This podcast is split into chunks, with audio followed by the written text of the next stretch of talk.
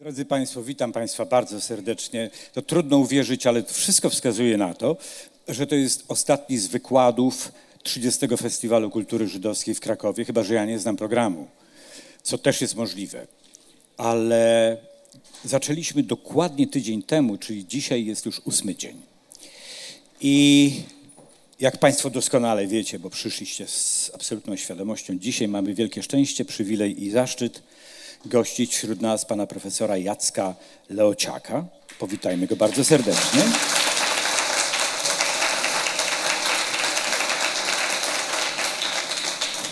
Jak Państwo doskonale wiecie, zresztą ja, ja, nie będę odczytywał z pamięci tego, co znajdziecie we wszystkich możliwych źródłach każdego języka o profesorze Leociaku, ale rozmawialiśmy z profesorem i przygotował specjalny specjalny wykład na, na ten nasz dzisiejszy festiwal, którego głównym, jak Państwo doskonale wiecie, tematem jest ogień.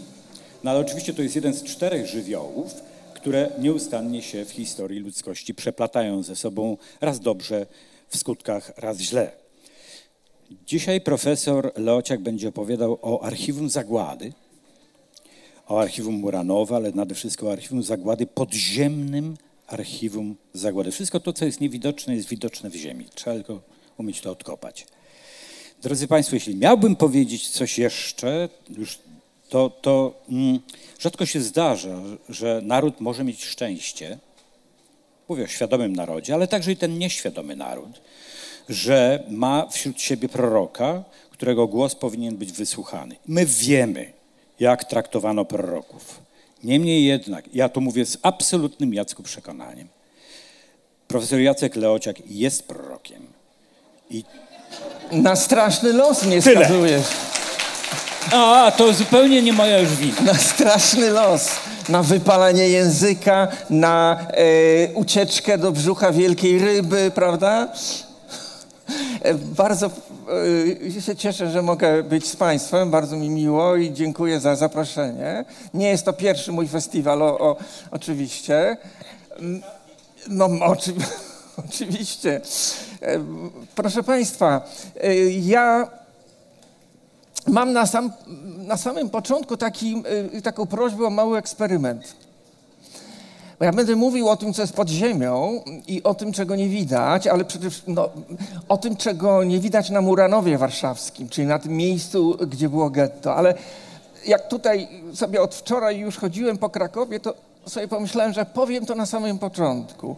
Wyobraźmy sobie, jesteśmy na Kazimierzu. Ja wiem, że getta nie było na Kazimierzu, prawda? Było po drugiej stronie Wisły, ale wyobraźmy sobie taką sytuację, że cały ten Kazimierz jest systematycznie palony, burzony i starty z powierzchni ziemi, że tam już nie ma nic, tylko nawet nie gruzy i ruiny, tylko coś, co przypomina morze martwe gruzów, jakieś usypiska, prawda, popiołów i resztek niedopalonych. I teraz na tym podłożu, startym do, do, do, do, do popiołu, zaczyna wyrastać nowa dzielnica. I ulica Estery, ulica Jakuba, no nie wiem, e, Plac Nowy, e, Majzelsa, no to to są już ulice, e, wokół których są, czy wzdłuż których biegną jakieś kamienice, prawda, zupełnie nowe, zupełnie nie przypominające tego, co jest tutaj. I moja prośba, jeśli chodzi o ten eksperyment taki, powiedziałbym, percepcyjny, ale też egzystencjalny, polegałaby na tym, żebyście Państwo spróbowali to sobie wyobrazić. Spróbowali sobie wyobrazić ten Kazimierz, który jest absolutnie inny na powierzchni, prawda? Ale jest w pewnym sensie ten sam pod ziemią, bo tam są te wszystkie e, fundamenty piwnic i to, co jest na Kazimierzu przecież bardzo dobrze widoczne, mnóstwo rzeczy, miliony rzeczy, które gdzieś są tutaj rozproszone po tych domach, po tych mieszkaniach, prawda, sklepach, e, e, e, no to to wszystko zostaje, tylko to jest przy, przysypane ziemią. No ja będę mówił teraz, tak sobie pomyślałem o, o, takiej, o takich obszarach, które zniknęły z pola naszego widzenia po wojnie, ale nie zniknęło miejsce. Więc fenomen polega na tym, że jak jesteśmy w Kazimierzu, no to ten Kazimierz nigdzie nie odpłynął, prawda? On nie przeniósł się na drugi kontynent. On jest, tylko że on jest już zupełnie inny. I teraz problem polega tylko na tym, żeby jakby sięgnąć wzrokiem tam, gdzie wzrok nie sięga, prawda? E, I odczytać to, co jest pod stopami. Więc właśnie chcę mówić o takich obszarach, już teraz przenoszę się do Warszawy, prawda? O takich obszarach tego dawnego miejsca po getcie warszawskim, które jest niewidoczne i którego prawie nie ma. Mówię prawie, bo są jakieś ostańce, są jakieś szczątki oficyn, jest bruk e, dwóch, trzech ulic, e, e, no, który jeszcze przetrwał z tamtych czasów, ale przecież, przecież niczego tak naprawdę nie ma. Wszystko, co jest naprawdę, to jest pod ziemią. No i pod tą ziemią jest coś zupełnie wyjątkowego.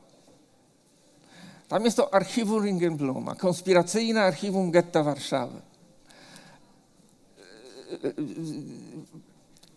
Grupa Onek Szabat pracuje nad tym archiwum, prawda? zbiera relacje, pieczołowicie je chroni i zakopuje w piwnicy domu na Nowolipki 68.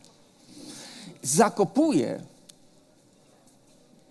przypominam, zakopuje do ziemi Więc mamy znów to, co jest skarbem największym, jest w ziemi. I ta ziemia ten skarb przechowuje. Ja wrócę do tego i będę o tym mówił szerzej. Ziemia to jest jeden z tych czterech żywiołów. I taki trzeci wątek mojego, e, mojego dzisiejszego opowiadania to, jest właśnie, to są właśnie te żywioły.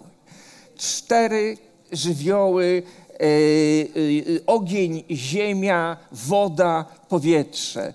I wydaje mi się, że i samo archiwum Ringenbluma, ten zbiór dokumentów, zbiór tekstów, prawda? schowanych i cudownie ocalonych, wykopanych później po wojnie, prawda? że samo archiwum Ringenbluma jakby doświadczyło działania tych czterech żywiołów, ale też całe to podziemie muranowskie, również doświadczyło działania tych czterech żywiołów. I co to znaczy, jak ja to rozumiem, to, e, to właśnie chciałbym o tym, o tym powiedzieć dzisiaj. No i teraz cofnijmy się gdzieś do takiego punktu genezyjskiego, do początku. Jaki jest początek Muranowa jako dzielnicy Warszawy, prawda? Ten początek sięga głęboko, głęboko w przeszłość. I począt ten początek jest rajski proszę Państwa. Tak jak to są rajskie krajobrazy. Tam są e, e, sady e, owocowe, tam są stawy rybne, e, tam są ogrody, bo to jest, to jest, to jest takie zielone, wspaniałe miejsce poza Warszawą, daleko od tej, od tej Warszawy, do którego się jeździ odpocząć, ale które też daje jakieś konkretne plony, prawda? Stamtąd te wszystkie owoce y, y, y, jadą do, do Warszawy i ryby, które są tam łowione. Dużo wody jest, przypominam o tym. Zapamiętajcie to Państwo, tam jest dużo wody na tym pierwotnym Muranowie. Są strumyki, są stawy, e, no bo są też cegielnie, prawda? I te wszystkie e, e, urządzenia, które, i ta, i ta woda, i te młyny wodne, mnóstwo wody, mnóstwo wody. Ale stawy są osuszane z, z, z dekady na dekadę, prawda? I nikną te, te, te sady, one są wycinane i rosną kamienice. I teraz w w drugiej połowie XIX wieku Muranów już wygląda zupełnie inaczej. Jest tam mnóstwo kamienic e, tworzących takie kaniony ulic z tymi wieloma podwórkami, oficynami, to już, to już nie jest rajski krajobraz. To już jest krajobraz, powiedziałbym wręcz w niektórych rejonach infernalny. Infernalny dlaczego? Bo, bo szczególnie ta północ Muranowa to jest miasto, to jest miejsce, gdzie no, gnieździ się biedota, nędza. Od drugiej połowy XIX wieku ta część Warszawy jest takim żydowskim rewirem. Tam się skupiają Żydzi, prawda? Oni tam mieszkają, prawda? I to ich mieszkanie jest naznaczone jakąś powiedziałbym jakimś cieniem. Nie cała ta część północna Warszawy jest taka oczywiście, ale takie ulice, które gdzieś wokół ulicy Nalewki się e, grupują, takie jak Muranowska czy e, Niska właśnie, one mają jakiś taki specjalny charakter. Weźmy ulicę Niską. No, sama nazwa mówi o tym, że ona jest związana z jakimś zapadliskiem terenu, prawda, z jakimś obniżeniem. No rzeczywiście, to, jest, to są te zapadliska po tych stawach, po tych cegielniach i na tych zapadliskach, tych jeszcze gnilnych, takich e, e, e, jeszcze cuchnących tą, tą zgnilizną, na tym podłożu budowane są te czynszówki, gdzieś tam wkopywane w głąb i, i w suterenach gnieżdżą się ludzie. I tak pisał o tym Korczak, Janusz Korczak w Dziecku Salonu, w swojej pierwszej powieści e, pisał tak. Znikły ciemne więzienia, znikły dawne lochy kryminalne, którymi straszono zbrodniarzy, ale nie znikły ciemne, zimne i podziemne mieszkania dla ludzi mozołu i trudu, którym los od kołyski odmówił wszelkiego uśmiechu. Zatem, jeśli myślimy o podziemnym Muranowie, to ten podziemny Muranów można, można badać zarówno przed zagładą, w tym okresie przed zagładą, podczas samej zagłady i po zagładzie. I tak właśnie chciałbym na to spojrzeć. To jest ten Muranów przedzagładowy. Prawda? Ja tylko sygnalizuję jednym cytatem, prawda, cały ogromny y, y, y, wątek. Te przestrzenie teluryczne, powiedziałbym, te podziemne, prawda, te, w których jest ciemno, w których jest jakaś taka groza, prawda, to one są obecne na Muranowie już od dawna, już wiele, wiele, wiele lat przed wojną, prawda, przed tą drugą wojną światową. No i teraz mamy e, getto, prawda? I co się, co się dzieje? Otóż e, między wielką akcją likwidacyjną, która y, rozpoczęła się 22 lipca 1942 roku, a więc będziemy mieli niedługo rocznicę, prawda? Kolejną rocznicę e, e, tej akcji. Więc między wielką akcją likwidacyjną, która pochłonęła 300 tysięcy Żydów, prawda, wywiezionych do Treblinki, a wybuchem powstania w getcie warszawskim, to jest szczególny czas. To jest szczególny czas bo ci, którzy zostali, już doskonale wiedzieli, co oznacza e, e, e, wyjazd na wschód. Prawda? Porzucili, można powiedzieć, nadzieję na to, że jakoś to będzie, że jakoś można to załatwić, że jakoś się można zatrudnić, może w szopie, a może, że, że, że można przetrwać. I to porzucenie nadziei dało, dało im siłę. Ja sądzę, że bez akcji likwidacyjnej nie byłoby powstania w getcie warszawskim.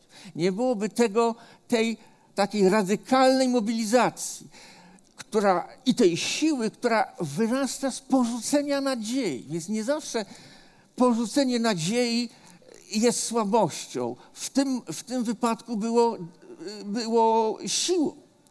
Ale właśnie między y, y, y, wrześniem 1942 a kwietniem 1943 roku warszawscy Żydzi, którzy jeszcze w getcie zostali, zaczęli masowo budować bunkry. Zaczęli wkopywać się w tą ziemię, można powiedzieć. Każda kamienica, która znalazła się w tym okrojonym już bardzo obszarze getta, prawda, bo wiem, że wiele y, y, części od getta już odpadło po, po, po, po wielkiej akcji. Każda kamienica i każda piwnica w tej kamienicy zamieniały się na bunkier. Często to były bunkry fantastycznie wyposażone, e, e, znakomicie w, w elektryczność, w, kanalizację, w zapasy jedzenia. Ale przygotowywano to, ten świat podziemny i on stał się światem zamieszkania, ukrycia, e, e, azylu, jakże kruchego i tymczasowego, ale jednak azylu dla przytłaczającej większości mieszkańców getta warszawskiego. Przecież szacuje się, że w getcie warszawskim przed wybuchem powstania było około 50 tysięcy Żydów. Mniej więcej połowa tak zwanych legalnych, która miała pracę, prawda, miała jakieś te papiery, była zatrudniona w szopach i, i drugie tyle nielegalnych, około 50 tysięcy. Ilu było bojowców? Ilu było, il, ilu było tych, którzy byli uzbrojeni? Ilu było, ilu było tych, którzy byli zorganizowani w oddziały, prawda? Nie chcę tutaj rzucać y, oczywiście liczbami i żonglować nimi, ale nie przekraczało to tysiąca osób w obu organizacjach, żobu i ZZW, prawda? Na pewno nie przekraczało.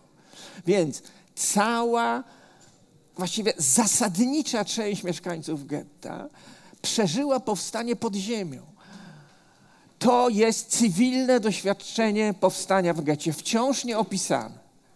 Wciąż nieopisane. Ja już kilka razy o tym cywilnym doświadczeniu powstania w getcie mówiłem e, i apelowałem o to, żeby napisać cywilną historię powstania w getcie warszawskim. My znamy całkiem dobrze tą militarną historię, polityczną, militarną historię powstania. Wiemy, kto był w jakich e, oddziałach, prawda, kto gdzie walczył. Naprawdę dużo wiemy, ale bardzo mało wiemy o, o tym, jak powstanie przeżywała miażdżąca większość y, y, y, mieszkańców getta, prawda?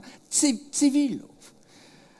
I jaki szok, przypominacie sobie Państwo, czy pamiętacie to, nie wiem, z lektur, czy, czy, czy z, z, z dyskusji, jaki, jaki szok wywołał pamiętnik z powstania warszawskiego Mirona Białoszewskiego, prawda? Ta cywilna historia powstania warszawskiego.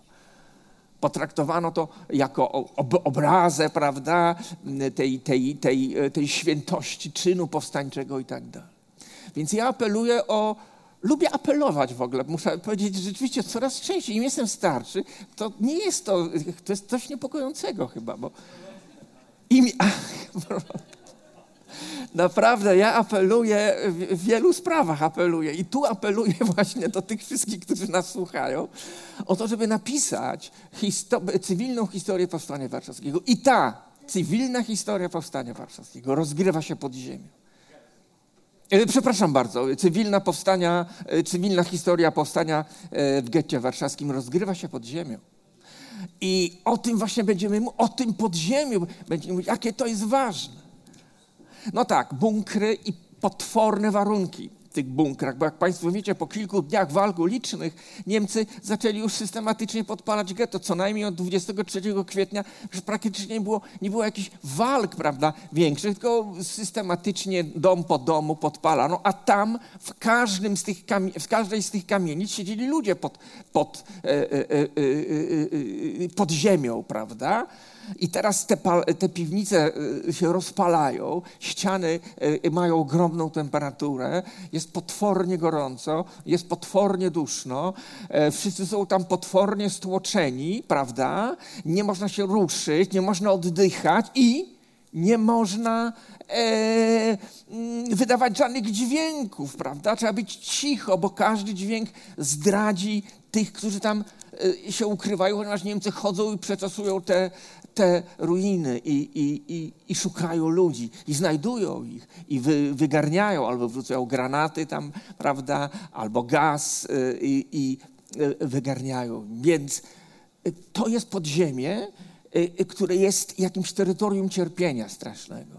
Terytorium cierpienia i terytorium śmierci. I mówię o tym dlatego też, żeby pokazać, gdzie zaczyna się pewna pewna historia e, getta, którą my do dzisiaj właściwie, której my możemy towarzyszyć i która jest z nami cały czas. Bo przecież w tych piwnicach, pamiętajcie Państwo, 50 tysięcy ludzi, to 49 tysięcy jest pod ziemią. 49 tysięcy. I ci ludzie tam umierają.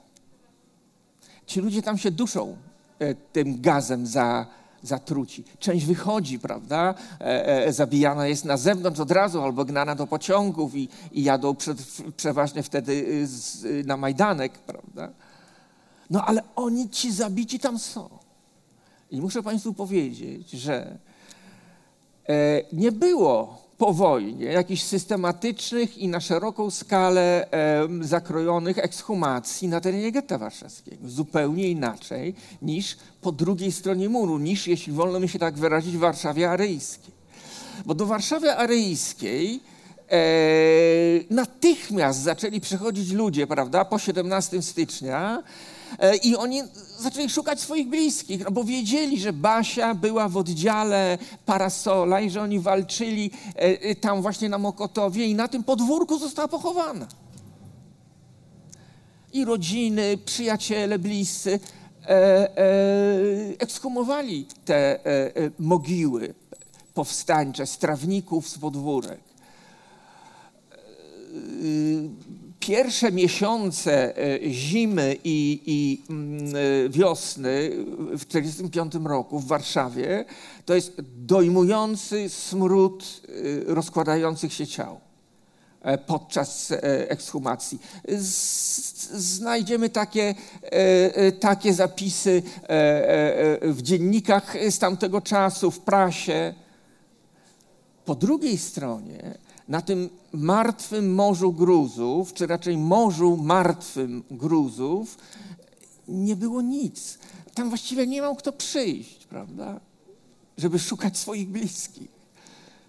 A jeśli już ktoś przyszedł i też mamy takie zapisy, no to on w ogóle się przede wszystkim gubił, nie wiedział, gdzie jest. To są ludzie, którzy się tam urodzili. Prawda? Oni nie wiedzieli, na jakiej ulicy są, bo żadna ulica, nikt nie był w stanie rozróżnić jakiejkolwiek ulicy i nikt nie kopał.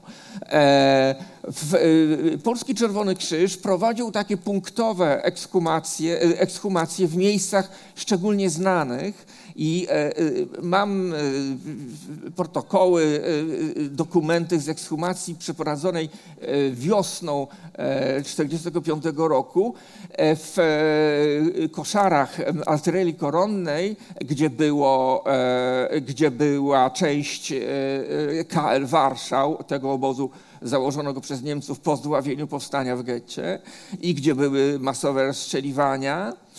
I właśnie tam e, PCK prowadziło ekshumację. W tym miejscu teraz stoi gmach e, Muzeum Polin, dokładnie w tym miejscu. No to, to, są, to są ekshumacje. Wykopano około 80 ciał. 50, 49 tysięcy ludzi, którzy się ukrywali. Więc dlaczego ja mówię, że w powstaniu w getcie, podczas powstania w getcie zaczyna się ta historia, która towarzyszy nam do dziś. No tak, bo do dziś towarzyszą nam te szczątki, które są zagrzebane pod ziemią Muranowa. I nie jest to zwrot retoryczny, nie jest to taka jakaś, e, wie, wiecie Państwo, no, taka metafora. No to, jest, e, to są realia tego miejsca. E, by, bywa tak, że jak się kopie, to się do, dokupuje nie tylko do rzeczy, ale do szczątków ludzkich. Opowiem Państwu dwa, dwa przykłady. Mianowicie, e, mianowicie e, w 2013 roku była grupa historyków i archeologów, która poszukiwała archiwum bundu. Marek Edelman go schował na Świętojerskiej, Świętojerskie 38 to jest adres tego szopu szczotkarzy, w którym on y, y, był dowódcą podczas powstania. No i nie ma tego archiwum, prawda? Szukano go zaraz po wojnie, no i w 2013 szukano i archeolodzy zrobili taką odkrywkę. W tej chwili ta część Świętojerskiej przebiega przez obszar Parku Krasińskich, bo Świętojerska została przesunięta na tym, tym, tym odcinku. I dokopali się, no do czego się dokopali? No dokopali się do, do piwnic e, kamienicy e, Świętojerska 40 i pośród wielu tysięcy najróżniejszych rzeczy, codziennego użytku, prawda, co znaleziono? Znaleziono dwa ludzkie szkielety i to nie jest literatura, proszę Państwa. Ja, ja to widziałem. Znaleziono dwa ludzkie szkielety, zwrócone tak jakby do siebie, prawda? A pośrodku tych szkieletów była miska z czymś, co wydawało się kamieniem jakimś w tej misce. Ale y, potem stwierdzono, że to jest skamieniały chleb. To jest podziemny Muranów. Ja właśnie o tym mówię. O tym podziemnym Muranowi. I ten podziemny Muranów istnieje cały czas pod stopami nas wszystkich, którzy tamtędy chodzimy. Kolejny przykład. E, jest e, takie świadectwo e, napisane tuż po wojnie przez Stelle Fidelzain i złożone najpierw do Głównej Komisji Historycznej, a potem znalazło się w archiwum Żichu. Stella Fidelzain ukrywała się, zaczęła się ukrywać w czasie powstania w getcie warszawskim właśnie w tych bunkrach, schronach na ulicy Wołyńskiej. To jest ulica, która przebiega 100 metrów od y, gmachu Muzeum Poli. I ona była w kilku kryjówkach. Okazało się, że jest w ciąży. Mąż został, y, no zaginął, prawda, gdzieś, zniknął, został zabrany, był lekarzem, to jest osobna historia. I ona w ciąży z kilkoma osobami tam się ukrywa. I w bunkrze przy Wołyńskiej 11, dzisiaj ci z Państwa, którzy się orientują w topografii Warszawy, to jest e, e, dokładnie skrzyżowanie Karmelickiej z, mm, z, z, z Lewartowskiego. Ona tam urodziła dziecko. I to już była zima, to już był grudzień 1943 roku. Oni przetrwali tyle miesięcy, prawda? E, ale postanowili, ci ludzie postanowili już wyjść, bo już nie mieli żadnych szans prze, przetrwania. No i teraz co z nią zrobić? Z kobietą w połogu. Ale co postanowił oczywiście wziąć to dziecko ze sobą. No, no bo matka nie zostawi dziecka. I, i, I kiedy podniosła to dziecko, żeby go gdzieś tam zawinąć i wyjść z tego bunkra, to stwierdziła, że dziecko nie żyje. I zostawiła to dziecko tam w tym bunkrze. I wyszła i poszła i przedarła się przez ten mur i e, doczekała końca wojny i złożyła relacje i nikt nie wie, co się dalej z nią stało. Szukaliśmy jakichś śladów, jakichś tropów, nie, nie, nie wiem, e, niezarejestrowana e, w tych rejestrach CKŻP, nie, nie wiadomo, ale przeżyła i, i napisała, a dziecko? Dziecko jest, proszę Państwa, bo nikt tego dziecka nie ekshumował. I jak ja, ja, no to są moje tereny, prawda, te muranowskie, jak ja tam chodzę, to ja sobie czasami myślę, no to jest, e, e, to jest trudne, prawda, ale, ale to jest to, co trzeba teraz zrobić, bo mamy już tą historię taką ocukrzoną, powiedziałbym, prawda? Mamy ten wielki pomnik e, wspaniały Rapaporta, bohaterów getta, prawda? Mamy, no, mamy różne upamiętnienia. Nikt nie upamiętnił tego dziecka. I ono tam jest cały czas, pod, tą, pod, tym, e, pod tym e, domem, który tam stoi teraz nowy, prawda? A więc to jest podziemny Muranów. O tym ja mówię dzisiaj teraz. To jest ten wielki depozyt zagłady. I to jest e, coś, co nazwałbym właśnie wielkim archiwum zagłady. W tym wielkim podziemnym archiwum zagłady jest to wyjątkowe archiwum Ringelbluma, prawda? Ale cały podziemny Muranów można potraktować jako archiwum. No bo co tam znajdujemy? Jeśli znów zaczniemy kopać, ja jako dziecko, bo ja się urodziłem na Muranowie, więc to jest takie moje też doświadczenie, no po prostu bardzo e, osobiste, prawda? Bardzo bardzo takie codzienne wtedy, prawda, dziecięce, no to, no to każdy, kto mieszkał na Muranowie, to wie, że te rzeczy się różne tam jakoś wyłaziły z tej ziemi, jakiś widelec, jakaś yy, część jakiejś filiżanki, no, no mnóstwo yy, tego było, ale nikt sobie nie zdawał wtedy sprawy, no ja sobie nie zdawałem sprawy, skąd to się bierze i wydawało mi się, że to jest absolutnie naturalne, no, że, że tak ma być, no, że, że w ziemi są widelce. No dla takiego chłopca, e, nie wiem, 8-10-letniego to jest oczywiste. Nikt mi nie powiedział, co tam było w tej ziemi wcześniej, co było na tej ziemi wcześniej, prawda? Moi rodzice, tak jak większość e, tych, którzy zamieszkali w Warszawie, przyjechali z innych stron. Mama z Krakowa, dlatego jak jestem zawsze w Krakowie, to jestem zawsze wzruszony, bo ja się czuję krakowianinem, bo jestem krakowianinem po kądzieli, prawda? Mój, e, mój tata z, e, z Łodzi przyjechał. Oni nie byli warszawiakami, prawda? Więc te, te rzeczy były i, i one są. Jest taki e, Znowu wracam do Muzeum Historii Żydów Polskich Polin. Przed budową tego gmachu odbyły się takie dwie, dwie mm, odkrywki archeologiczne. One, mm, ach, przepraszam, bo jeszcze jeden przykład, jeśli chodzi o, o ludzkie szczątki. Za, za, zapomniałem powiedzieć. Proszę mi wybaczyć, zawieszam na, na chwilę, ale to jest niezwykły przykład. Ostatni zupełnie. Znaczy ostatni w sensie bardzo niedawny. E, otóż ja z e, Arturem Żmijewskim i Zosią Żmijewską opracowaliśmy taki album, album esej fotograficzny, esej e, tekstowy, Warszawski Trójkąt Zagłady. I ta książka wyszła dosłownie miesiąc temu chyba w, w, w wydawnictwie Krytyka Polityczna. Chodzi o to, że my odwiedzaliśmy trzy budynki, które przetrwały w Warszawie, a które były kluczowe dla e, eksterminacji e, e, warszawskich Żydów. To jest budynek szkoły nastawki, gdzie, były, gdzie, były, gdzie, no, gdzie był Umschlagplatz i w tej szkole ludzie byli przetrzymywali w oczekiwaniu na wagony.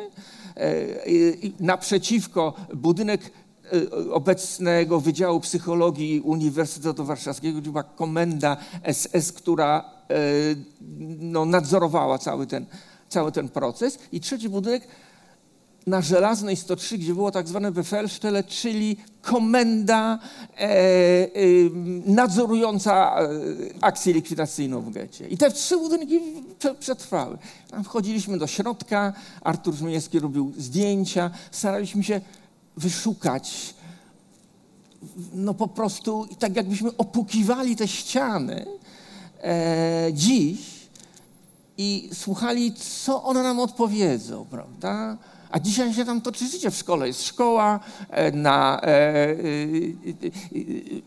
po drugiej stronie też budynek szkolny przedwojenny. Oba to są budynki szkolne przedwojenne. Jest uniwersytet. Na Żelaznej 103 mieszkają ludzie. No, normalnie.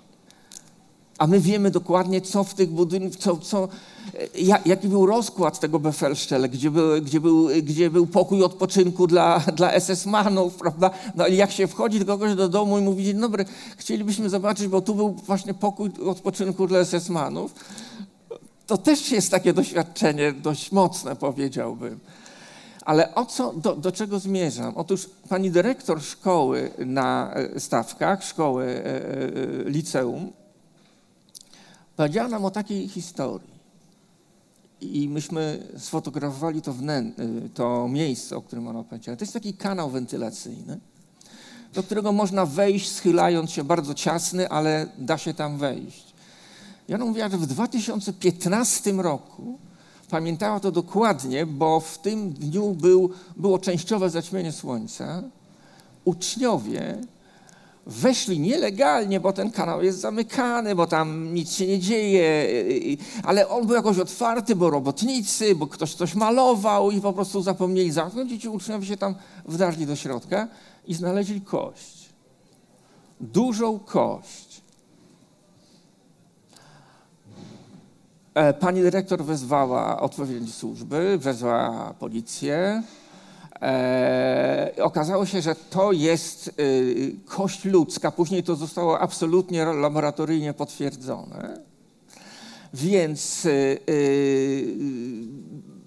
przyjechała jakaś inspekcja sanitarna i na koniec przyjechał karawan, który według procedur da, wszelkich zachowanych tą kość przewiózł, przewiózł na cmentarz na Okopowej I jak wiem, jest taki zwyczaj, że, że, że po prostu ta kość czekała na, na następny pogrzeb i została włożona, tak? Tak to jest, prawda? Było włożona do trumny i pogrzebana e, e, e, podczas następnego pogrzebu. Kość ludzka, jak ona się tam znalazła w 2015 roku? No ja zacząłem grzebać w tych różnych świadectwach i okazuje się, że y, ludzie w tym, siedzący w tym budynku, desperacko szukając ratunku, oni się ukrywali. Oni się ukrywali gdzieś właśnie tak jak się pisze tam w piwnicach albo na strychu.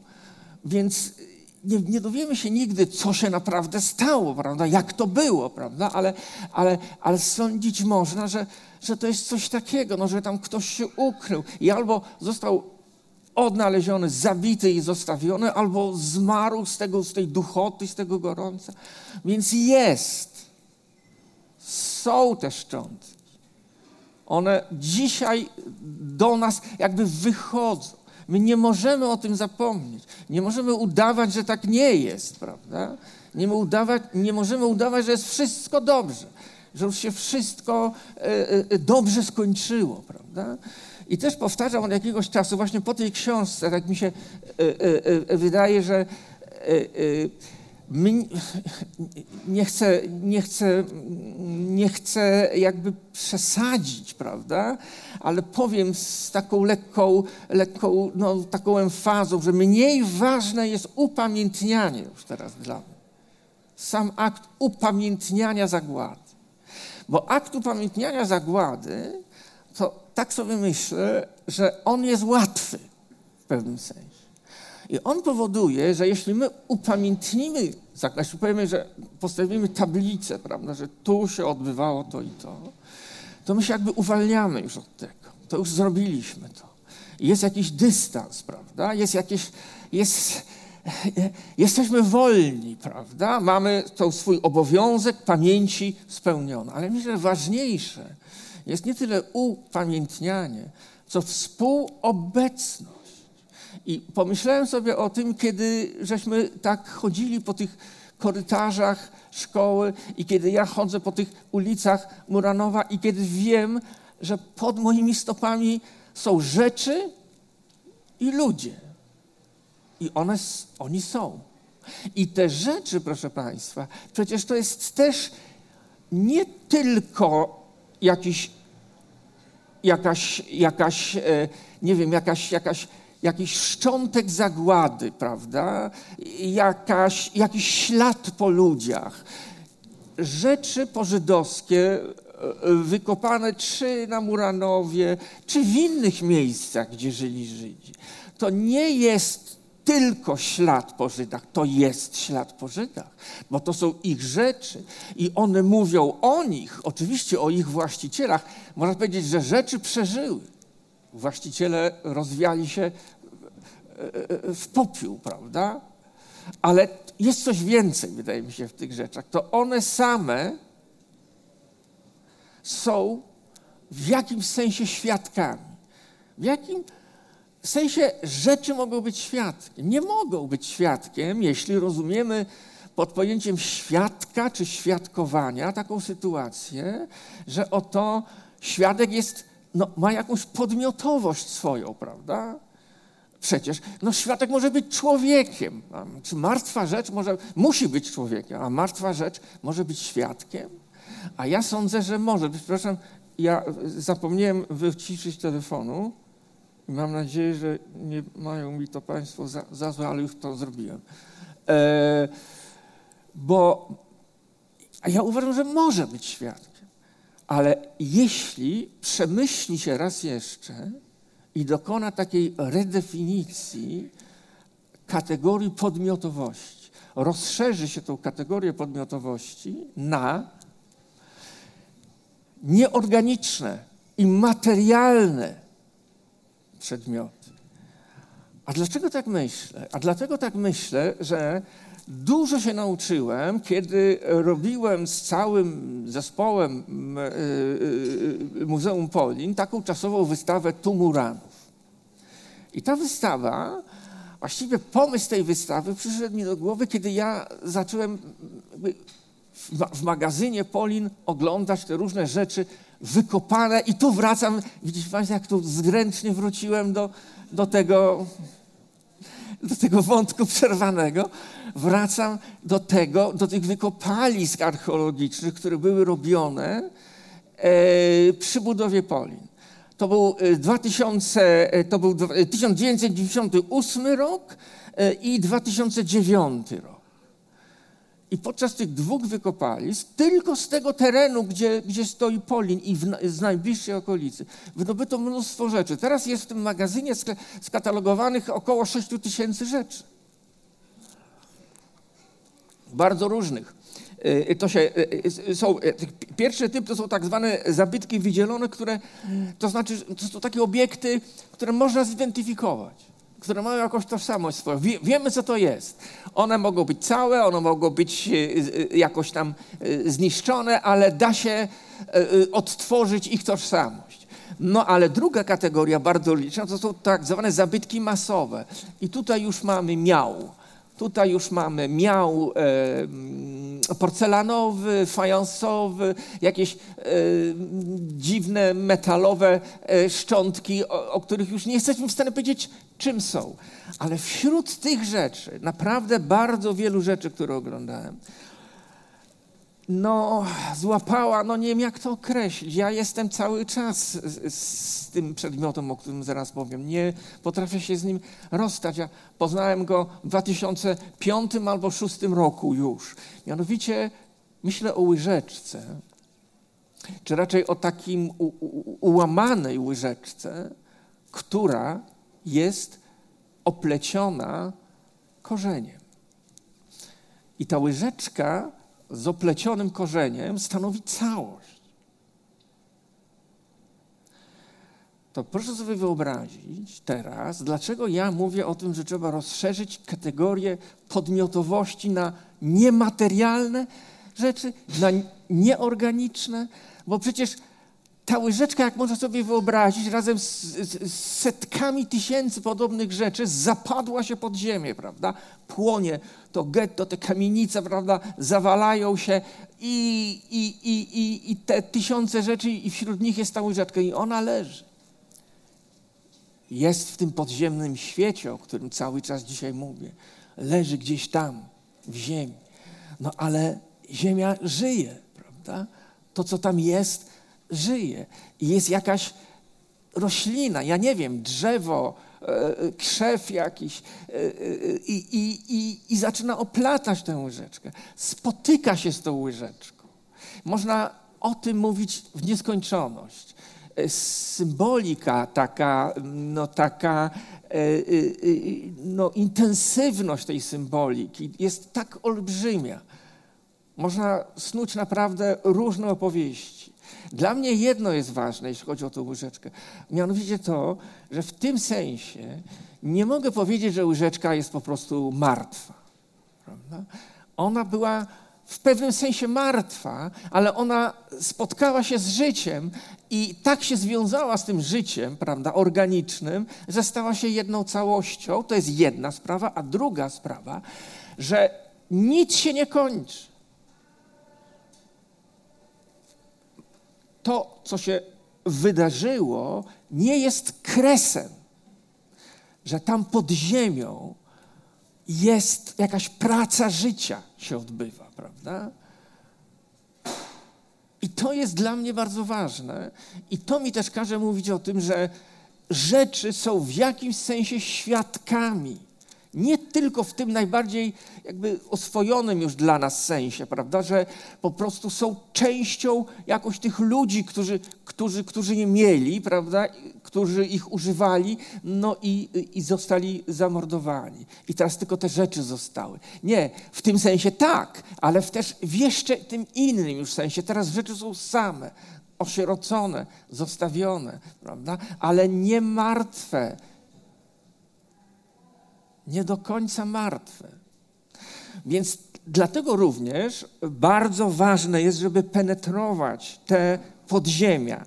Bo przecież tam jest bardzo dużo. Tam jest oprócz cegieł, fragmentów murów, fragmentów y, y, tych y, fundamentów, piwnic, e, e, rzeczy.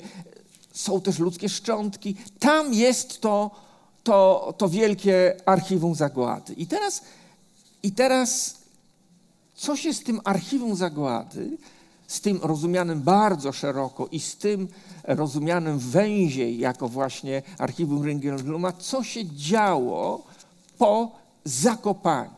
Mnie interesuje to, co się działo po zakopaniu. Bo przygotowywanie, sporządzanie, o tym wiemy, prawda? O tym y, y, y, dużo już wiemy. Ale co się stało potem? Kiedy te skrzynie, a potem bańki w tym samym miejscu zostały za, zachowane, za, zakopane. No i tu jest, y, y, wkracza historia czterech żywiołów, bo te dokumenty zostały poddane działaniu tych czterech żywiołów. Cztery żywioły. Empedokles, filozof poeta z V wieku, zastanawia się nad budową otaczającego go świata i, i pisze o takich czterech składnikach materii. Cytuję za Diogenesem Laertiosem, jakie są poglądy Empedoklesa. Uczył, że cztery są elementy: ogień, woda, ziemia, powietrze. Miłość jest tym, co je łączy. Niezgoda tym, co dzieli to na koniec sam do tego wrócę, do miłości i do niezgody. I do czterech elementów. No ale teraz no, wystarczy rzut oka, e, żeby e, e, zobaczyć, jak fundamentalną rolę odgrywają te cztery żywioły w, powiedzmy, w, w, tym, w, tym, w tym wielkim projekcie kultury, jakim jest judaizm. E, przecież e, to są te żywioły e, ustanowione przez Boga, objawiające Jego moc. Zacytuję tutaj psalm 104. O Boże mój Jachwę, jesteś bardzo wielki. Wzniosłeś swe komnaty nad wodami, za rydwan masz obłoki, przechadzasz się na skrzydłach wiatru, jako swych posłów używasz wichry, jako sługi ogień i płomienie umocniłeś ziemię i w jej podstawach na wiele wieków nie zachwieje się. No więc te cztery żywioły y, y, to jest, y, to jest właśnie takie wielkie doświadczenie, przez które przeszły te teksty. I teraz postaram się jakoś zwięźle powiedzieć, jak ja sobie wy, wy, wyobrażam tą drogę archiwum zagłady przez ogień, powietrze, ziemię e, i tak dalej. No więc tak. I chciałem powiedzieć, że będę konfrontował e, psalmy czy, czy, czy, czy księgę Hioba z dokumentami e, z archiwum. No, mam ogień, prawda? Ogień.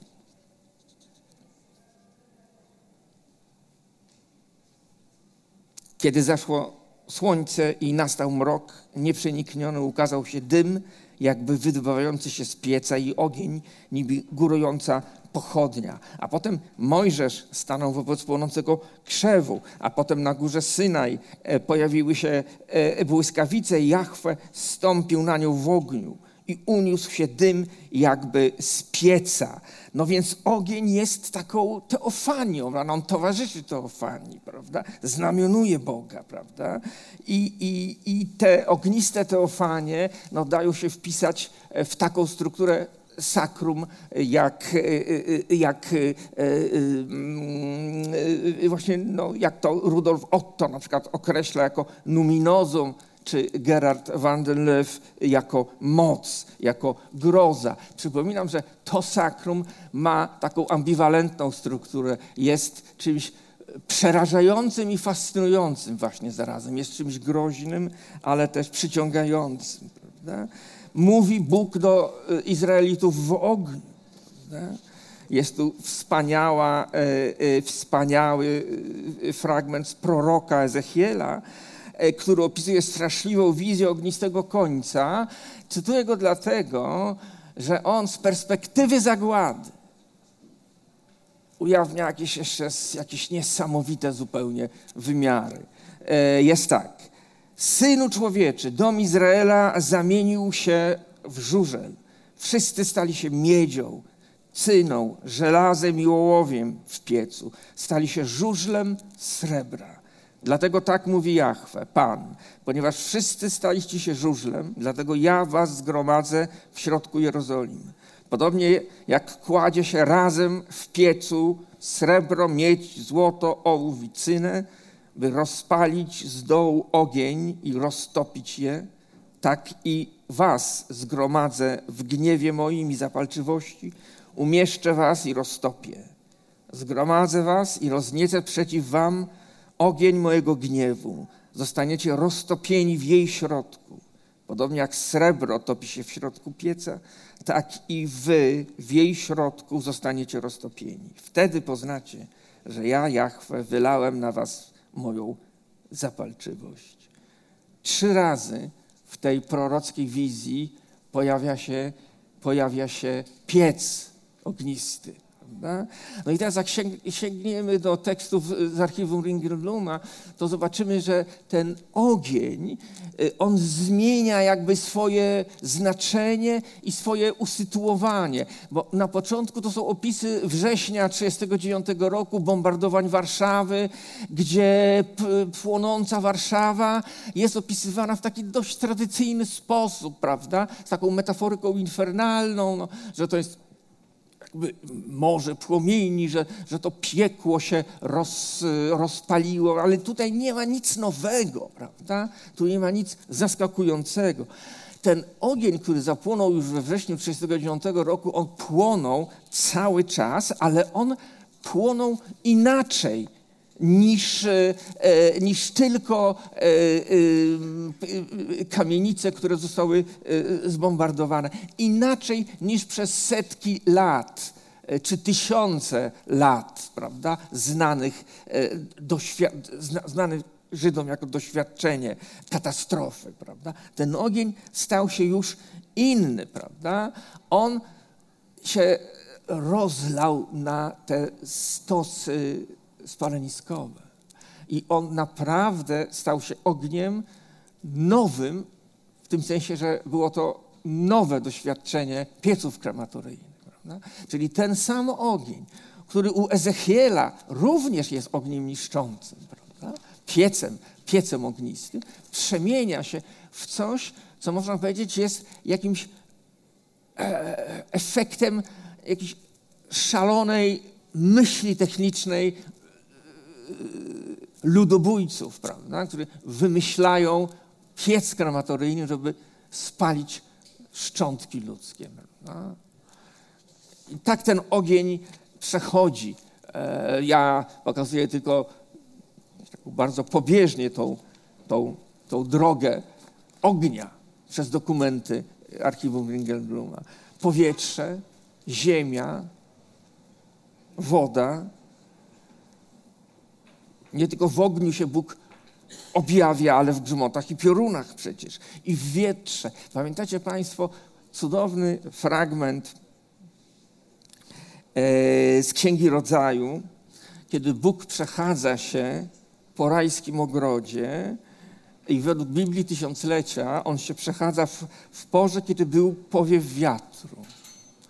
Ale według cudownego tłumaczenia księdza Jakuba Wójka, który używa urzekającego zdrobnienia. Bóg się e, e, przechadza po raju na wiatrku z południa.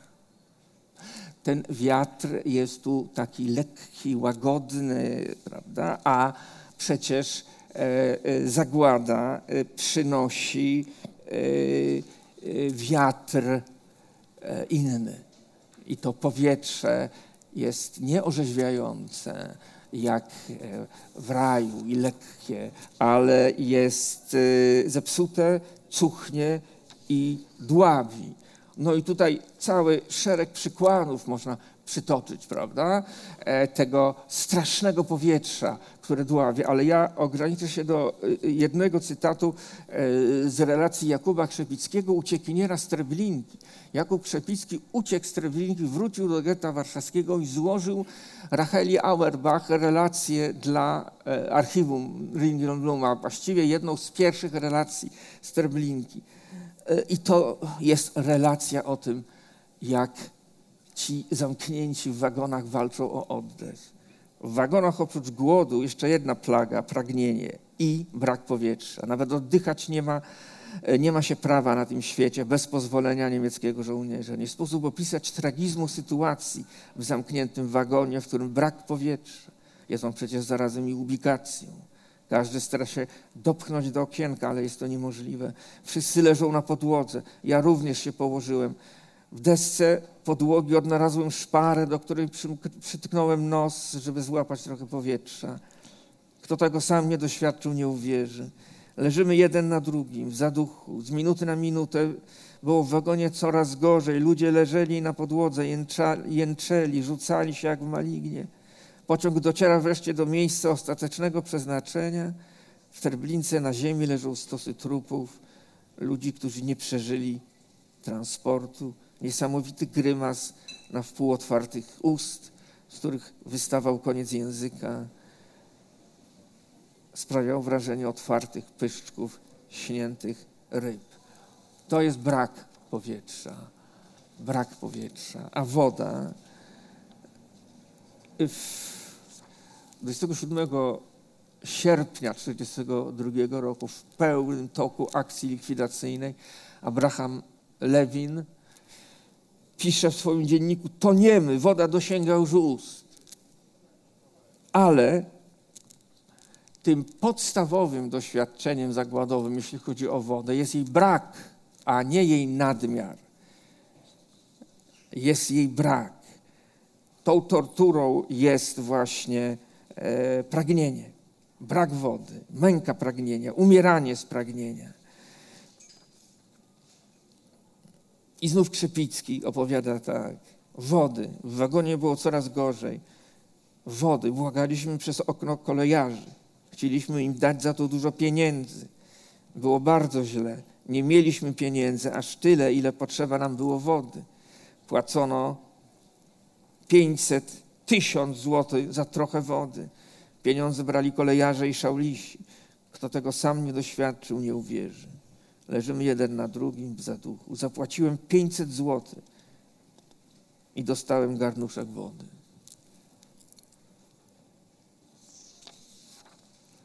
Wody. A teraz ziemia. Ziemia jest tu niezwykle ważnym z tych żywiołów i ma w sobie też, też taką ambiwalencję. No bo zastanówmy się, co, e, e, e, co kryje ziemia w sobie. Lewin, którego przed chwilą cytowaliśmy, on już wiedział wtedy, podczas wysiedlenia, co oznacza to, to, to, to, to wysiedlenie na wschód. I jakby odwołuje się do, do Hioba, prawda? Myśl jego się do księgi Hioba zwraca Hioba, który, który się skarży Bogu, który robi Bogu wyrzuty. Szukasz u mnie przestępstwa i grzechu mego dochodzisz, choć wiesz, że przecież nie zgrzeszył. I z głębokości, z głębokości tej swojej męki Hiob pisze tak, e, mówi tak.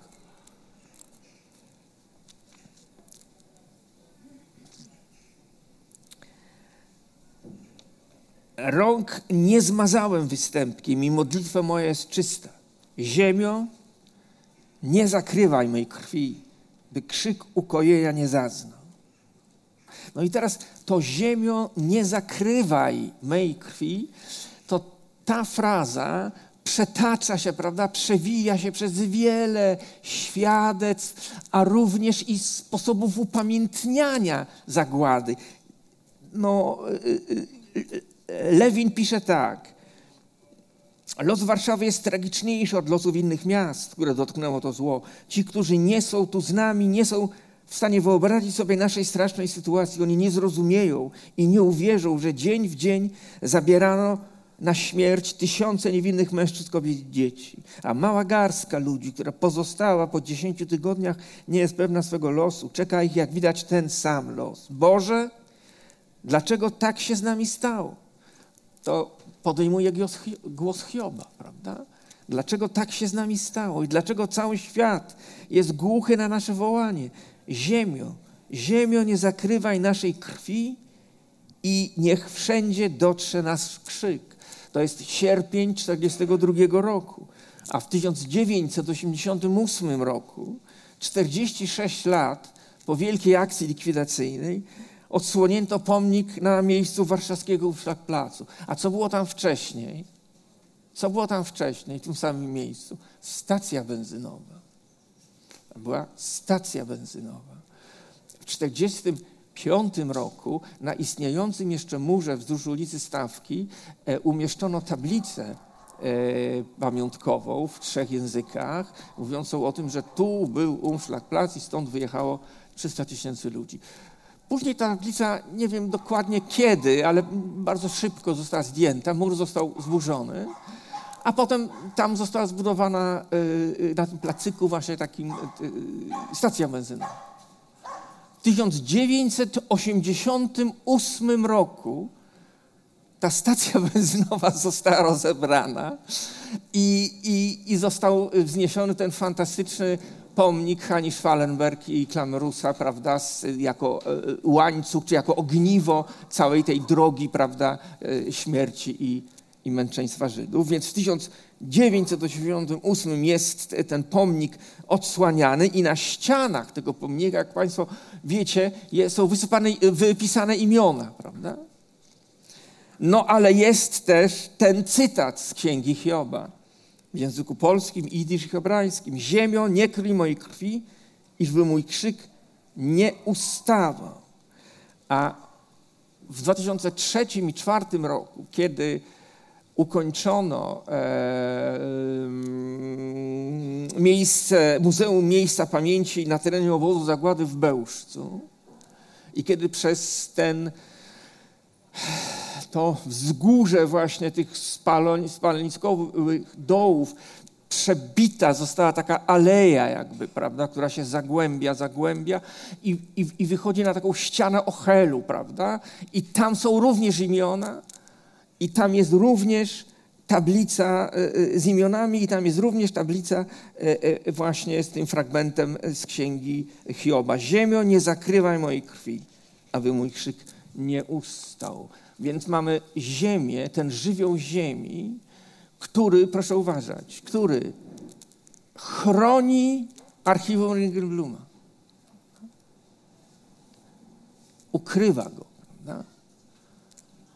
I mamy ziemię, która dławi krzyk konających. I tą ziemię trzeba odrzucić, jakby otworzyć ją, prawda? żeby uwolnić ten krzyk. No więc ta ziemia ma odsłonić krew ofiar, ale jednocześnie ukrywa ich świadectwa, prawda? Co jest niesamowicie ważne. Ten cały wielki depozyt, to całe wielkie archiwum zagłady, którym jest cały, e, którym jest cały Muranów. Ci chłopcy, którzy e, e, ukrywali skrzynię z archiwum Ringwoluma, tę pierwszą część, Dawid e, Graber i Nahum Grzywacz razem z nauczycielem swoim Izraelem Lichtensteinem. Oni, to było 3 sierpnia 1942, e, oni e, włożyli testamenty swoje tuż przed zakopaniem tych skrzyń. I Graber tak pisze, to są 18-19-letni chłopcy.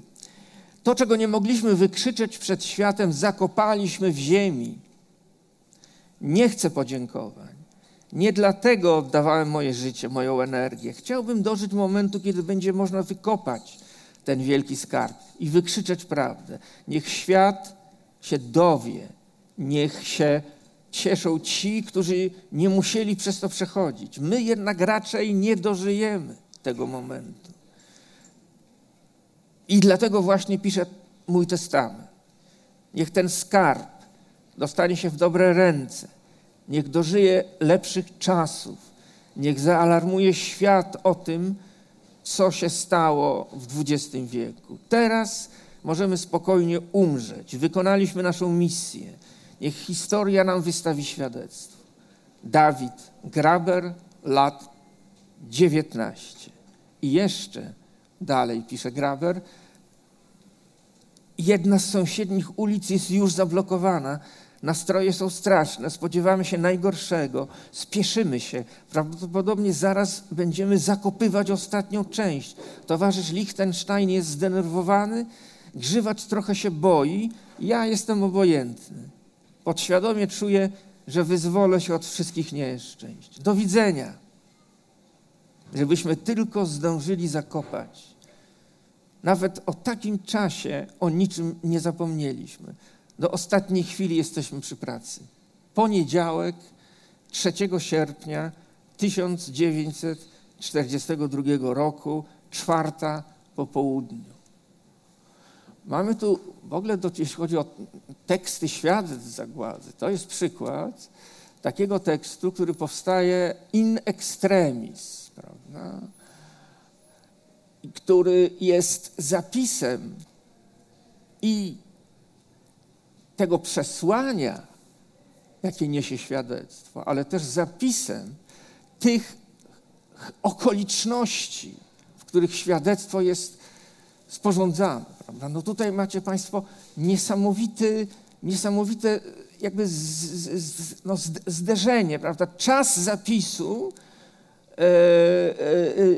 po prostu zlewa się, prawda, z tym czasem, o którym się pisze. I to są te sekundy, sekundy, które poprzedzały schowanie tego testamentu. No, wyobraźcie sobie Państwo tą piwnicę i, ten, i tego chłopaka, który tam to zapisuje i daje na końcu datę, poniedziałek, 3 sierpnia 42, czwarta po południu. Oni jak widzicie, tu byli w pośpiechu, bo już jest blokowana następna ulica. Oni nie zdążyli jeszcze zrobić czegoś, to, co, co mieli zrobić. Mianowicie nie zdążyli zalutować tych skrzyń. Byli na to przygotowani, ale tego nie zdążyli zrobić. I w związku z tym do zakopanych dziesięciu skrzyń dostała się woda, kolejny żywioł. Dostała się woda która spowodowała wielkie zniszczenie. I pierwsza część archiwum jest bardzo zniszczona w stosunku do w ogóle nieporównywalnie bardziej niż druga część, która była schowana w tych bańkach, które, które były zalutowane, były bardzo dobrze przygotowane i, i, dokumenty z drugiej części są bardzo dobrze czytelne. Część pierwsza jest, e, no właśnie, część pierwsza też jest świadectwem dla nas nie tylko przez to, co tam jest napisane, ale przez to wszystko, jak ten tekst, jako pewna materialna rzeczywistość, przyjmował te wszystkie zagładowe doświadczenia. Doświadczenie ognia, doświadczenie wody, prawda? Doświadczenie ziemi. I, I ja powiem tak, na koniec już. W Gecie Wileńskim Abraham Sutzkever e, napisał taki wiersz o e, jakby na kanwie tego e, ukrywania ksiąg z biblioteki Straszuna Wileńskiej. I on napisał taki wiersz, taką opowieść, czy taką przypowieść o tym, jak to odnaleziono w piramidzie skamieniałe ziarna pszenicy, które tam zostały, no po prostu ktoś je tam zostawił, prawda? I te ziarna pszenicy zasiano do ziemi i one wzrosły. I to jest taka ta wielka metafora, na której Suckewer buduje ten projekt, prawda, odrodzenia, że te rękopisy, on pisze te rękopisy i te księgi, które my tutaj zakupujemy, to one się, te, jak ta pszenica, prawda, one zakwitną, rozkwitną. Tam dziewięć tysięcy lat trwało, zanim ta pszenica zakwitła, rzucona w ziemię. I jeśli myślimy o ukryciu e, e, dokumentów z archiwum Ringelbluma, to myślę, że tą metaforę Suckewera można, można, można przywołać, bo to jest jakby zasiewanie tego, tego ziarna po prostu do ziemi.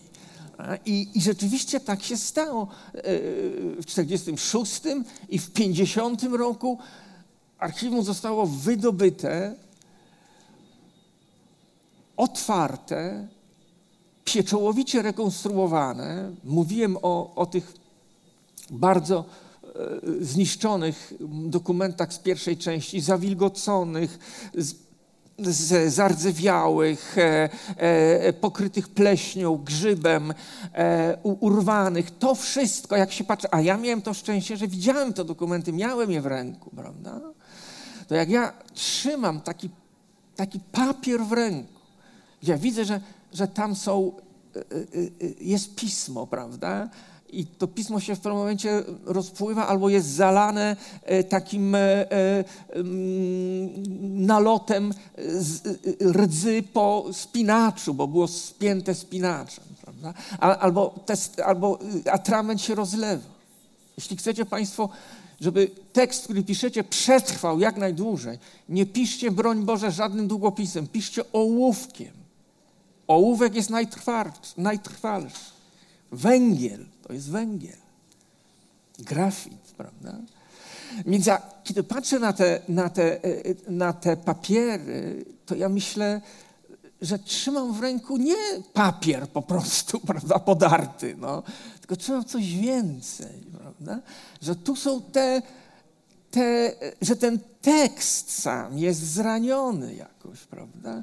Że ten tekst jest dotknięty zagładą, osmalony zagładą, jak to wspaniale y, y, mówiła o doświadczeniu zagłady Irit Amiel, prawda? O doświadczeniu osmalenia.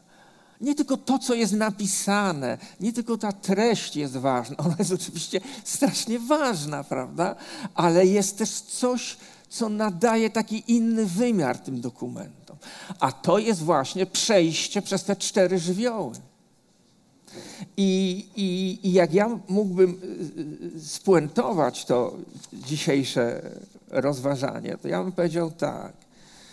No, te teksty y, z archiwum Ringelbluma, to one były pisane jakby taką twarzą w twarz z zagładą, prawda? Twarzą w twarz, dosłownie, prawda?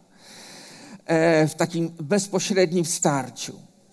No i one przeszły zwycięsko tę próbę czterech żywiołów. Próbę ognia, tego ognia w płonącym getcie, prawda? Tego ognia płonących kamienic, ale też tego ognia zagłady, tego ognia ognistego pieca zagłady, prawda?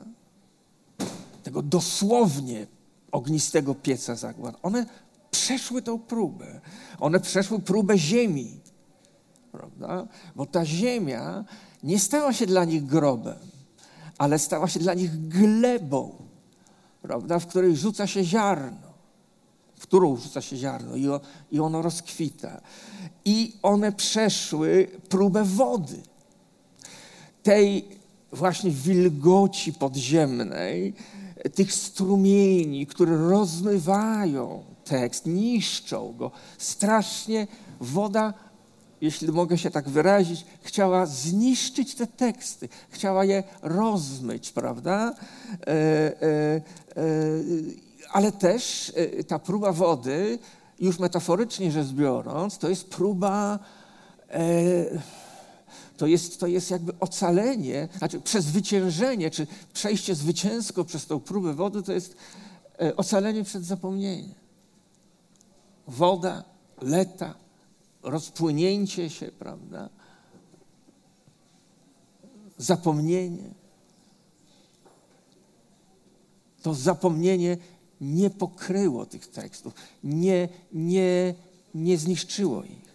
No i wreszcie e, przeszła e, e, próbę, przeszły te teksty próbę powietrza. Próbę powietrza w tym sensie, że no, zostały odnalezione, uwolnione z mroku i wydobyte na światło dzienne. I wydobywszy je na światło dzienne, my mogliśmy je spotkać, prawda? Mogliśmy zobaczyć to, co zostało ukryte, i mogliśmy uratować te teksty. Jaki ogromny wysiłek konserwatorów i pieczołowita praca musiała być dokonana, żeby tą pulpę papierową, bo są zapisy, świadectwa tych ludzi, którzy wyjmowali te papiery ze skrzynek. W ogóle skrzynki musiały być rozcinane, ponieważ ta pulpa papierowa zwiększyła swoją objętość i nie, nie sposób było jej po prostu wyjąć, prawda? Trzeba było rozciąć te skrzynki i wyjąć na stół papiery e, e, i dopiero je osuszać, a w 1946 roku jakaż była technika konserwatorska, prawda? To, że to ocalało wszystko, to jest też cud. To jest cud. A wiecie Państwo, gdzie y, dokonywano tych pierwszych prób, tych, tych, tych działań konserwatorskich? Te, y, y, pierwsza część archiwum Ringelbluma została przeniesiona do gmachu szpitala Bersonowi-Baumanów na Siennej w Warszawie. I tam w największej sali, na ostatnim piętrze, na stołach, ci konserwatorzy właśnie E, e, przywracali te teksty do życia. Przywracali te teksty do życia. I ostatni akapit, wracam do miłości i nienawiści. I to jest klamra tego mojego wystąpienia. Oprócz czterech żywiołów tworzących według Empedoklesa zasadę bytu, działają jeszcze dwie siły. Dwa elementy czynne. Miłość, filia i waśń, neikos często zwana niezgodą lub nienawiścią. Miłość spaja, łączy, nienawiść rozdziela, wtrąca świat w chaos i zniszczenie. Obie siły działają wiecznie, splatają się ze sobą i odpychają. Powtarzają się w nawracających cyklach. Teksty z archiwum Ringenbluma znalazły się w polu działania tych dwóch sił. Rozpętanemu nienawiścią chaosowi zagłady grupa ludzi z Onek Szabat przeciwstawiła miłość do ksiąg i powinność dawania świadectwa. A miłość ocala i przezwycięża mrok. Dziękuję bardzo.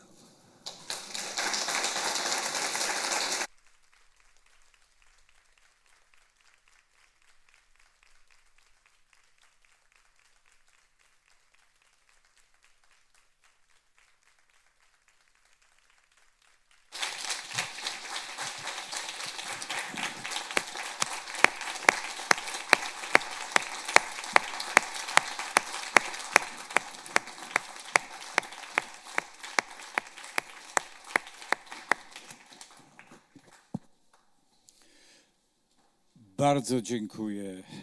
Um,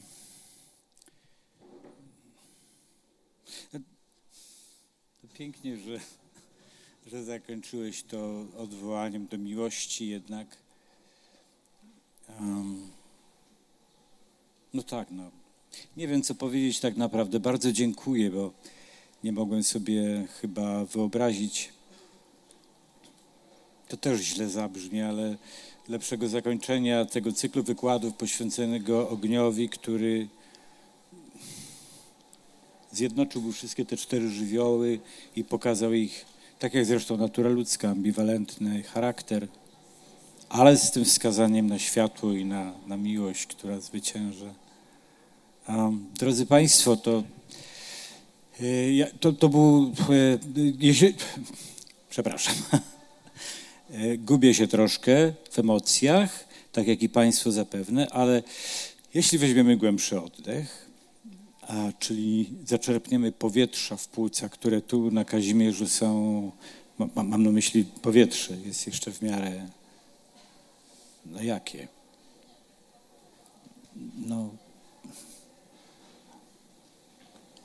no nie chcę powiedzieć czyste, bo nie mamy czystego powietrza w Krakowie, ale, ale łatwiej oddychać niż gdzie indziej. Powiedz tak jak Norwid, czyste powietrze prawdy. Czyste powietrze prawdy. Otóż, o, świetnie, dziękuję panie profesorze, już odetchnąłem. Miejsce, w którym jesteśmy, jest miejscem niezwykłym, bo to jest namiot. Nie jest to sobie od taki zwykły namiot, tylko jest to namiot, który nawiązuje do namiotu Mojżesza, namiotu Abrahama, rozstawionego onegdaj na, na, na, na pustyni, gdzie oczywiście i słońce było, i woda, której poszukiwaliśmy, ale nade wszystko przejrzyste powietrze, którym łatwo było oddychać. Drodzy Państwo, jeżeli macie Państwo jakieś pytania do Pana Profesora Jacka Leociaka, to to jest ten właściwy moment, żebyście go o cokolwiek chcecie zapytali. Bardzo proszę.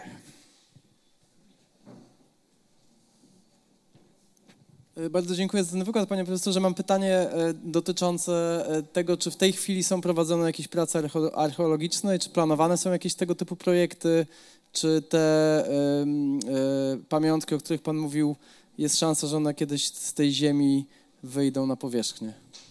Więc w tej chwili nie ma żadnych prac archeologicznych. Ostatnia to jest właśnie rok 2013 w tym ogrodzie krasińskich, o których mówiłem, gdzie odnaleziono te y, szcząt, dwa, dwa szczątki ludzkie. Natomiast, natomiast rzeczy są e, mm, pieczołowicie mm, przechowywane i można je zobaczyć, właśnie chciałem powiedzieć, można je zobaczyć, już niestety nie można ich zobaczyć, ponieważ wystawa Tumuranów została zamknięta, ona była czasowa tylko i jeszcze tak wypadła właściwie w, czas COVID-u, była fatalnie, zu- zupełnie to się złożyło, była od, od, od, otwarta z opóźnieniem ogromnym, później zamknięta, potem znowu otwarta i, i zamknięta. I na tej wystawie myśmy prezentowali dużo tych rzeczy właśnie wykopanych z okolic gmachu Polin. Jest też ta łyżeczka, o której tak mówiłem, ale jest, są, są, są też inne rzeczy.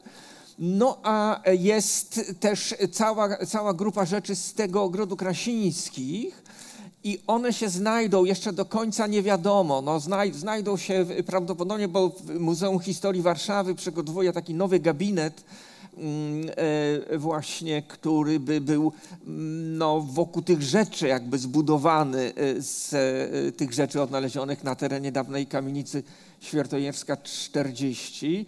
No ale to jest wszystko, to są wszystko jeszcze projekty, prawda? A teraz nie, nie, nie wiem, nie znam żadnych jakichś prac. No, a, przepraszam, y, jeszcze o jednej rzeczy w kontekście tego, co pan pyta, chciałem e, e, powiedzieć, bo to jest może ważne. Mianowicie, no, ten cały podziemny Muranów jest strasznie trudny do upamiętnienia i ochrony, prawda? No bo to jest takie wyzwanie konserwatorskie e, właściwie nie do, nie do podjęcia. No jak, jak upamiętnić, a jednocześnie ochronić to, co jest pod ziemią i czego nie widać. Ale, ale od 2018 roku e, w biurze Stołecznego Konserwatora Zabytków e, trwa praca nad z, no, dokumentacją, przygotowaniem dokumentacji e, potrzebnej do wpisania podziemnego Muranowa do gminnej ewidencji zabytków.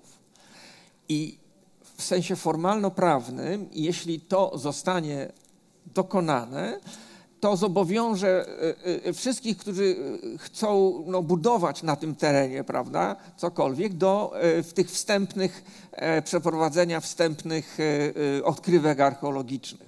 Chociażby to, prawda? Znaczy wtedy to, co jest pod ziemią, będzie w jakiś sposób chronione, ale też przypominam różnicę między gminną ewidencją zabytków, a gminnym rejestrem zabytków. Jeśli coś jest w rejestrze zabytków, no to to jest chronione, prawda? Ale w rejestrze zabytków są tylko e, em, obiekty em, no, na, naziemne, że tak się wyrażę, kamienice, prawda, czy jakieś tam zespoły architektoniczne, E, a to podziemie Muranowa byłoby e, w gminnej ewidencji zabytków, co i tak dałoby właśnie takie narzędzia do zobowiązania deweloperów do, do ym, no, ochrony tego, prawda.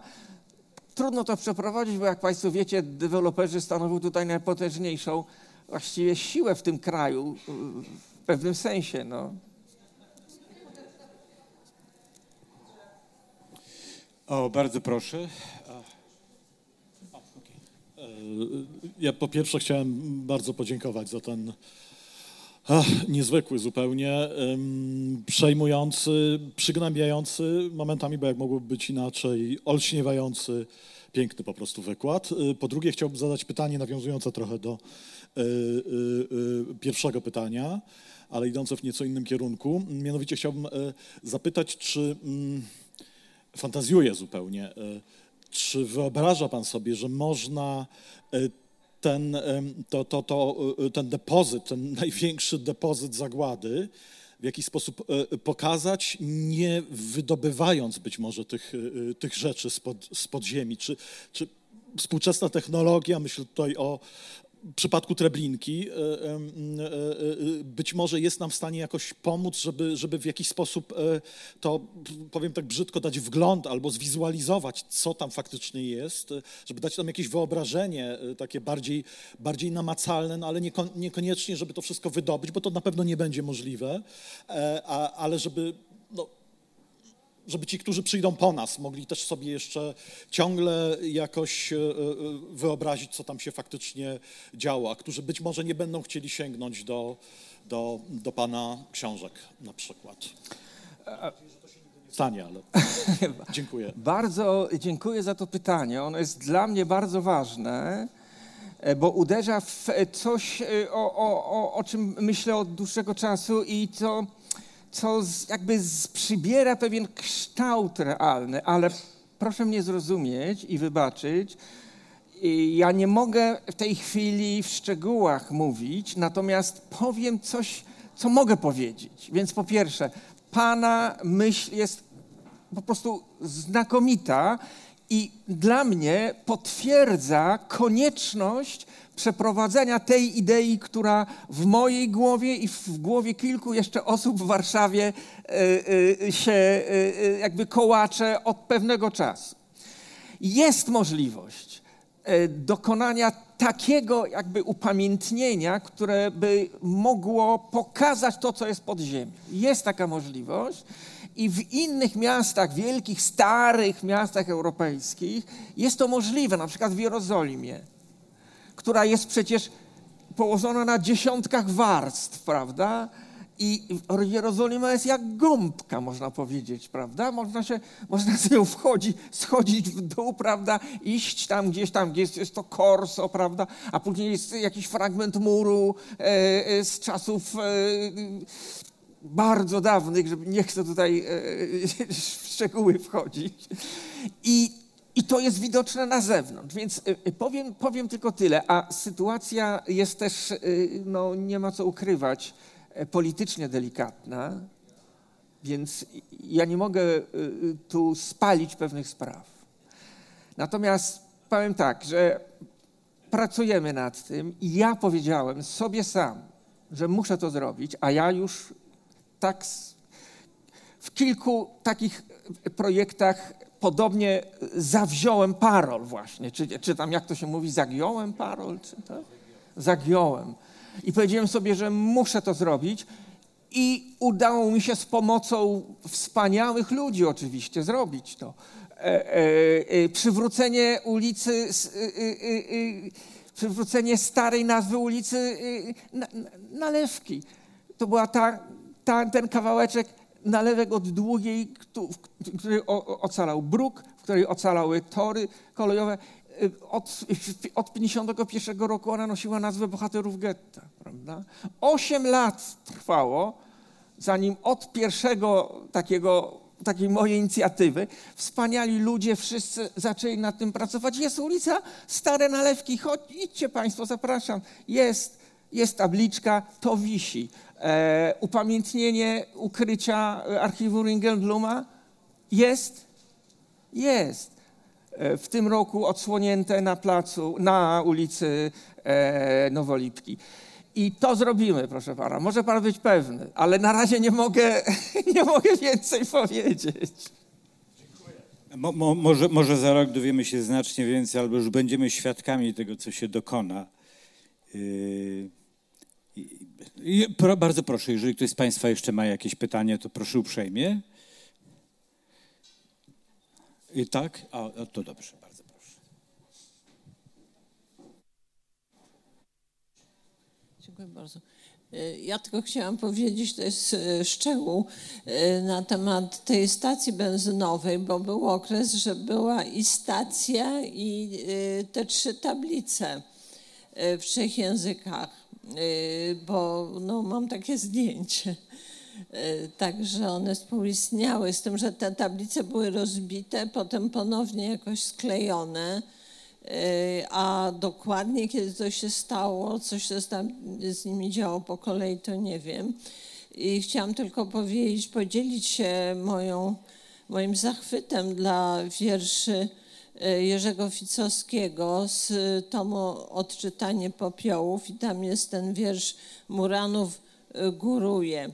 I wtedy bardzo mało kto myślał w ogóle o Muranowie w ten sposób, że on istnieje pod ziemią E, ten były Muranów i tam no, w, tym, właśnie w tym wierszu Muranów góruje padają takie słowa chodząc depczę.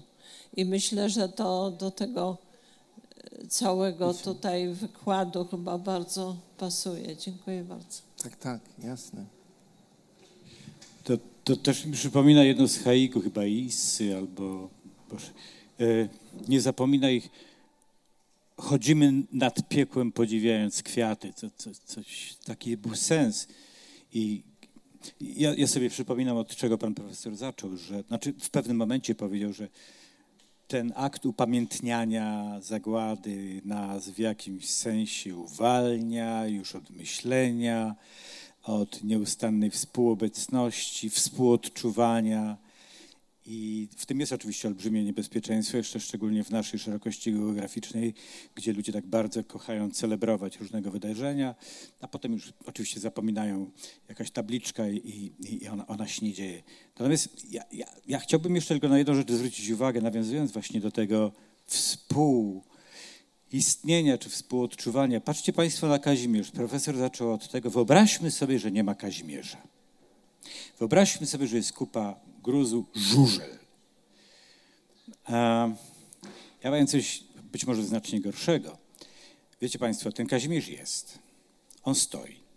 Natomiast myślę, że 90 parę procent ludzi, którzy tutaj pojawiają się na Kazimierzu, którzy nawet korzystają z tak za e, tak ułomnego sposobu dowiadywania się o, o, historii Kazimierza, jak wiesz, te nagrywania w Meleksach i to jest takie safari Meleksów tutaj. Ci ludzie tak naprawdę nie mają świadomości, kto tutaj żył.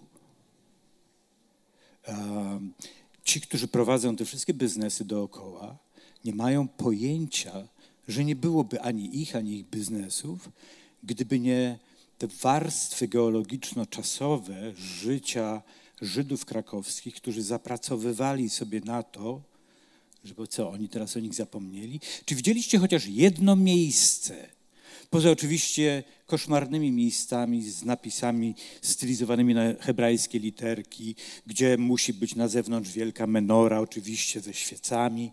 Menory nie wolno w ten sposób szargać i próbują grać tam muzykę. To jest straszne, jak się zakłamuje, że nie mówię o współodczuwaniu, o współobecności, jak się zakłamuje, jak się trywializuje, jak się, jak się jak bez szacunku traktuje to dziedzictwo, które zostało nam przekazanej, ono jest w zasięgu ręki. Proszę bardzo, tu jest jedna synagoga, druga synagoga, trzecia synagoga. Spytajcie ludzi, którzy przychodzą tutaj, czy, oni mają jakieś pojęcie o tym, kiedy ten Kazimierz powstał, ilu tu Żydów mieszkało, że w 1939 roku co czwarta osoba spotykana na ulicy to był Żyd. Nie mają tej świadomości. I teraz, jeżeli przeniesiemy to doświadczenie kazimierskie na doświadczenie podziemne w Muranowie, to ja jestem przerażony, bo mówimy w tej chwili o, o stanie świadomości ludzi, którzy żyją w tym, w, tym, w tym kraju. To, że mamy proroka, mówię to z całkowitą odpowiedzialnością profesora Jacka Leociaka, kilku jeszcze innych ludzi, że Państwo słuchacie tego wszystkiego, uczestniczycie w festiwalu, jesteśmy w mniejszości zdecydowanej. Przebić się teraz przez tą całą kakofonię informacyjną, to jest, to jest, to jest, to jest straszne, ale nie ma innego wyjścia. Bo chociaż jesteśmy w mniejszości, to jakościowo jesteśmy w większości i, i, i, i to mnie szalenie zawsze pociesza. Natomiast jest nieprzewidywalna przy, przyszłość i wspomniałeś Jacku o Jerozolimie, ja już kończę. Mój przyjaciel, który wielokrotnie tutaj bywał na festiwalu, profesor Dan Bachat z Jerozolimy, on był między innymi odkrywcą słynnego tunelu. Więc tak, ziemia absolutnie skrywa tyle bogactw, również ta ziemia kazimierska, ale nauczmy się najpierw szanować tego, to, to wszystko i dostrzegać to wszystko, rozpoznawać to wszystko, co jest na ziemi, ponad ziemią, a potem wspólnym wysiłkiem. Być może nawet nie będziemy potrzebowali szczególnej sądy. Wystarczy światłość umysłu i, i, i, i uczucia. Przenikniemy w ziemię. Panie profesorze, jestem bardzo wzruszony i bardzo dziękuję za, za obecność wśród nas, za ten wykład, który trudno wykładem nazwać, ale rzeczywiście no, myślę, że ja przynajmniej wynoszę ten, ten nakaz współodczuwania, który jest w nas chyba wszystkich nieustannie tutaj i, i obiecuję Państwu, że jak tylko się o czymś dowiem, to Wam nie powiem, ale poczekam przez na cały rok i, i za rok powie to o tym Pan Profesor Jacek Leociak. Dziękujemy bardzo. Dziękuję bardzo. I oczywiście zapraszam Państwa teraz do nieformalnych rozmów, które są czymś naturalnym u nas.